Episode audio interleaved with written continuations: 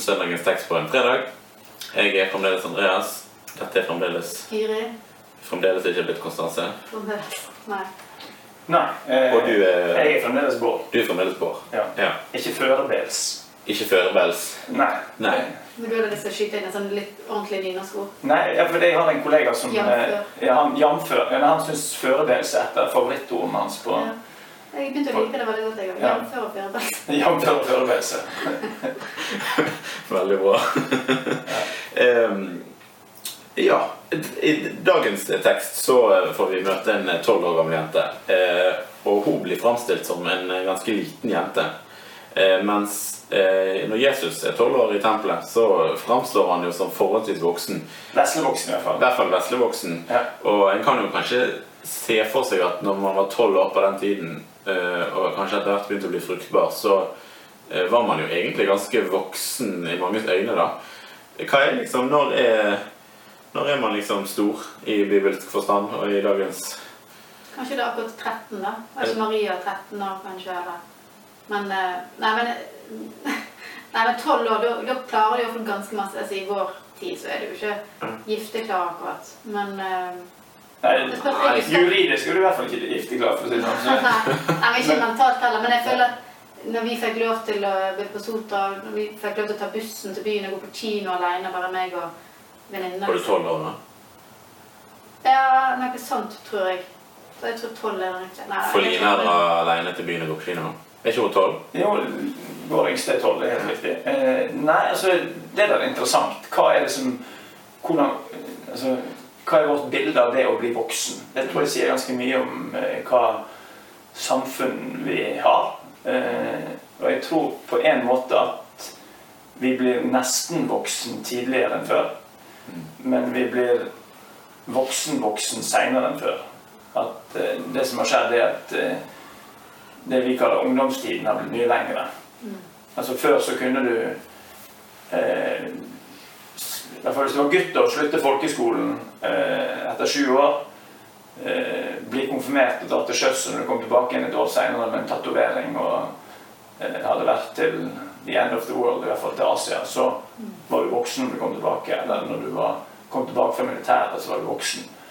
Men nå dras på en måte dette ut. Litt fordi foreldrerollen endrer seg, men også fordi Så eh, Nei, jeg, jeg syns det, det er veldig interessant hva vi oppfatter som Hvem er et barn, og hva er en voksen? Det sier ganske mye om vårt, vårt syn på mennesket òg, egentlig. Mm. Eh, jo ja. og her, her i den teksten vi kommer til, så er det jo helt tydelig at det er en, en far som har et veldig sterk omsorg for sin datter. Mm. Og det eh, tenker jeg er en av de Jeg syns det er en av de vakreste fortellingene sånn sett om en eh, fars kjærlighet for sin datter. Ja. Er det, kanskje, det kan jo ha noe med det, det som gjør at hun framstilles som et barn, er for å synliggjøre far-datter-relasjonen Det kan være. i større grad. Mm. Mm. Nei, men eh, fint. Vi, eh, jeg tror vi skal lese teksten, jeg.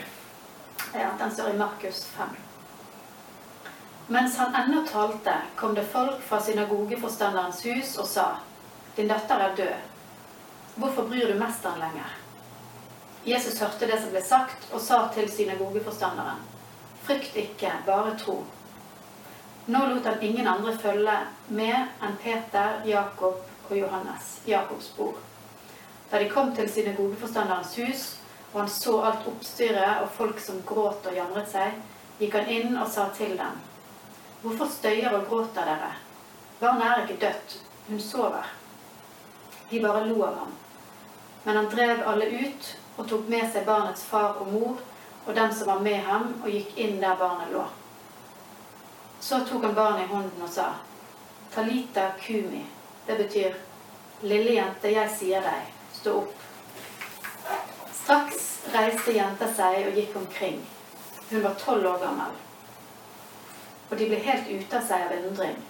Men han påla dem strengt at ingen måtte få vite dette. Og han sa at de skulle gi henne noe å spise.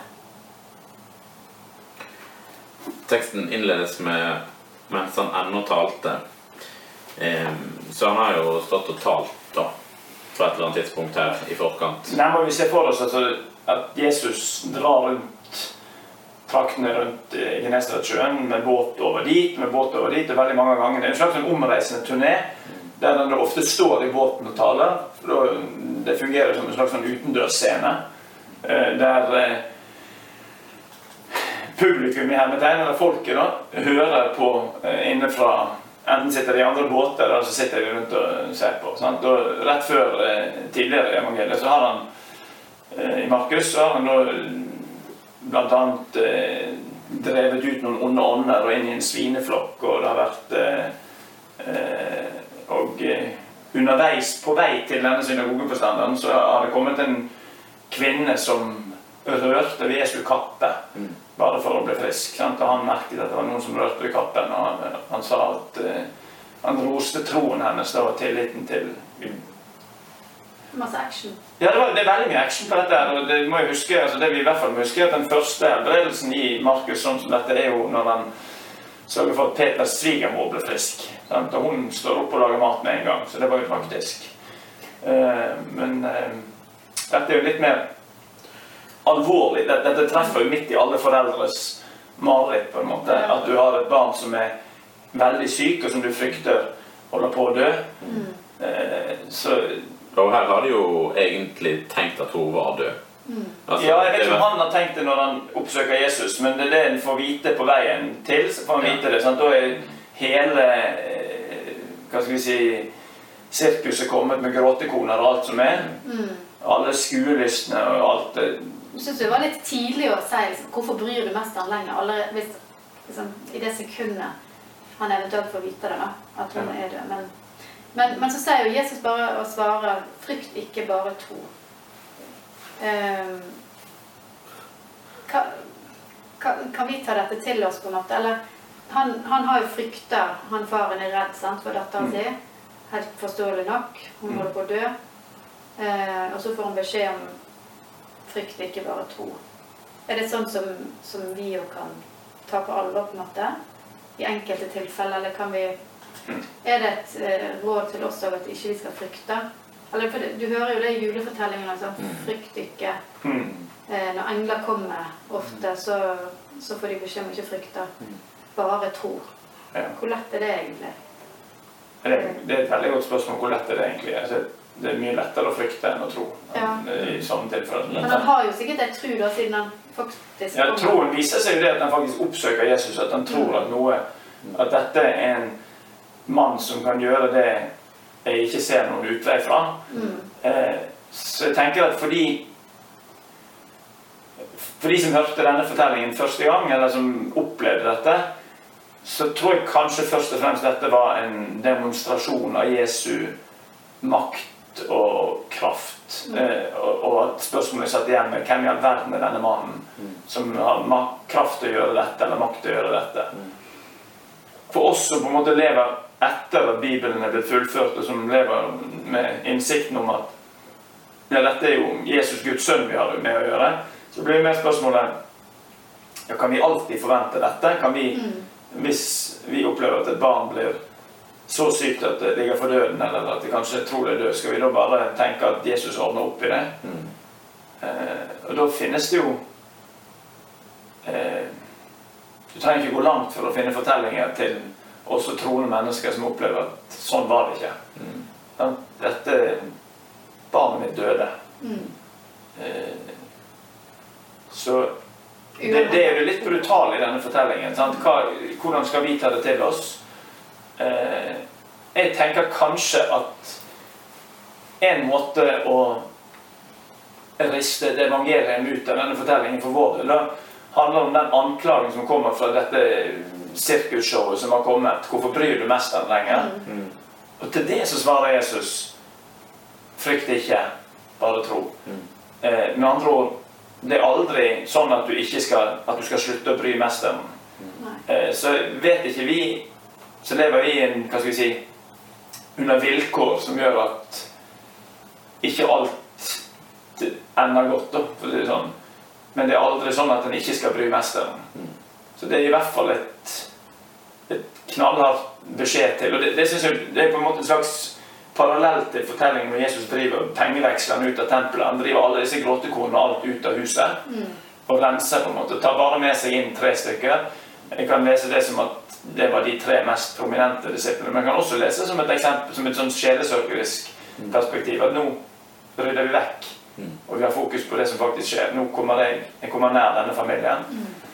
Eh, og akkurat den bønnen som synagogeforstanderen har hatt med seg hele veien, bare rett og slett beskrive sånn er det her.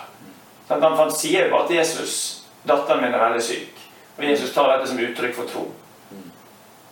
Og jeg tenker at det er sånn vår tro også må være. Vi må si til Jesus 'Sånn er det nå'. Sånn har jeg det. Eh, og særlig når vi blir rammet av det aller mest eh, grusomme. Eh, da har vi ikke noe annet enn å bare fortelle det. Eh, og så kan vi håpe, så kan vi tro, og så eh, er dette, denne fortellingen i hvert fall en frampek mot hvordan vi håper at alt en gang skal lages rett. Men eh, det er ikke et løfte om at alle barn skal bli friske, dessverre. Mm.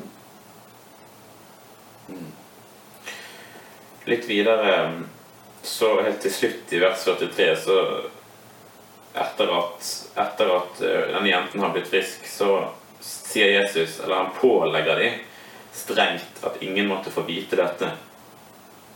Eh, og det blir jo eh, flere plasser, kanskje spesielt i Markus, der Jesus sier dette at en ikke går, vekk, går bort og ikke forteller noen om dette. eller og så er det noen som eh, ikke klarer å la være å gjøre det, og noen som, som sier det videre. Men hva er det med, med denne her eh, er Hemmelighetskremmeriet. Hemmelighetskremmeriet til Jesus da, i Markus. Det, det går an å tenke at å, det blir for masse mas for Jesus. Han har kanskje andre ting han skal gjøre. Men samtidig så sier han jo at Eller han tar jo imot de som kommer, sant. Han sier at det er greit å bry meg. Sier han jo egentlig, men ja, hvorfor er det da så Nei, dette er en det er helt rett som du sier, Andreas. Dette er et, sær, et særtrekk, eller særlig understreket i Markus, da, der eh, Hvem Jesus er, blir først tydelig på korset. Og I Markusevangeliet er jo den tydeligste bekjennelsen lagt i munnen på en romersk offiser, som sier i Markus 15 eh, Idet Jesus ropet høyt og åndet ut, og dører og forheng i tempelet revnet i to ovenfra helt ned. og da står det at Offiseren som sto midt framfor Jesus, så hvordan han anda ut, og sa han, denne mannen var virkelig Guds ånd. Da er på en måte den hemmeligheten ute. eh, For all verden. Bokstavelig talt. Men det er faktisk okkupasjonsmakten som forkynner dette. Eh, og Det er et poeng i, i Markus at dette lille frøet, på en måte, som Ja, vi ser det nå, men vi ser det ikke helt ennå. Og sånn er det litt sånn også i denne fortellingen her. Vi aner kraften av det, men vi ser det ikke fullt ut. Og det bygger seg på en måte opp. Det er liksom sånn Mm. brygge mm, mm, sånn, sånn er det nesten. sant? Og det er først når, vi, når det store skjer, at dør for våre synder, da ser vi hvem denne mannen er. Mm. Så det er et jeg kaller det et fortellingsgrep, eh, men det er en hemmelighet som da Fordi den hemmeligheten skal åpenbares først på korset. Det er derfor den eh, det legges opp sånn som dette. Ja. Skjønner. Og så er, vi må bare, før vi, før vi går inn for landing, så må vi jo bare ta med siste delen av det verset. Som der liksom man sier dette, det, de må liksom strengt eh, ikke fortelle videre. Og så må de passe på å torne for å spise. Ja, det er veldig fascinerende hvordan eh, det, det er veldig jordiske eller menneskelige fortellinger, dette. Sant? Det går rett på eh, altså, Jesu omsorg rett og slett for det helt eh, For kroppen. Ja. Eh, I dette tilfellet. Altså, vi vet jo ikke om denne tolvåringen var så spesielt lever og Mm. eh, pjusk ut, men eh, uansett så skal hun få noe å spise. Mm. Sant? Det, det tenker jeg er litt eh, det, det er fascinerende spenn i mange av de bibelske fortellingene. Hvordan de går fra liksom helt sånne store ord fra Jesus til Mm. Som hverdagslige primærbehovene. Ja, eller når han møter disiplene på stranden, så er, møter han dem med nystekt fisk. Mm. Det, det er en Jeg bål. var Og, litt opptatt av mat. Og, det var det tror jeg det er god grunn til å tenke. Jeg var opptatt av litt måltider og sånn. Mm. Ja. ja. men eh, Veldig fint. Vi skal avslutte med å be. Ja. Vår Far i himmelen. La navnet ditt helliges. La riket ditt komme. La viljen din skje på jorden slik som i himmelen. Gi oss i dag vårt daglige brød, og tilgi oss vår skyld, slik også vi tilgir våre skyldnere. Og la oss ikke komme i fristelse, men frels oss fra det onde. For riket er ditt, og makten og æren i evighet. Amen. Velsign oss Gud Fader, velsign oss Gud Sønn, velsign oss Gud i Ånd. Takk for at du lyttet til denne episoden av Søndagspodden. Likte du det du hørte? Gi oss gjerne en tilbakemelding og stjerner i Apple Podcast Player-appen. Følg oss gjerne på Instagram under brukernavnet Søndagspodden. Og del den gjerne med noen eh, du kjenner som kan ha stor glede av eh, denne podkasten. Vi snakkes.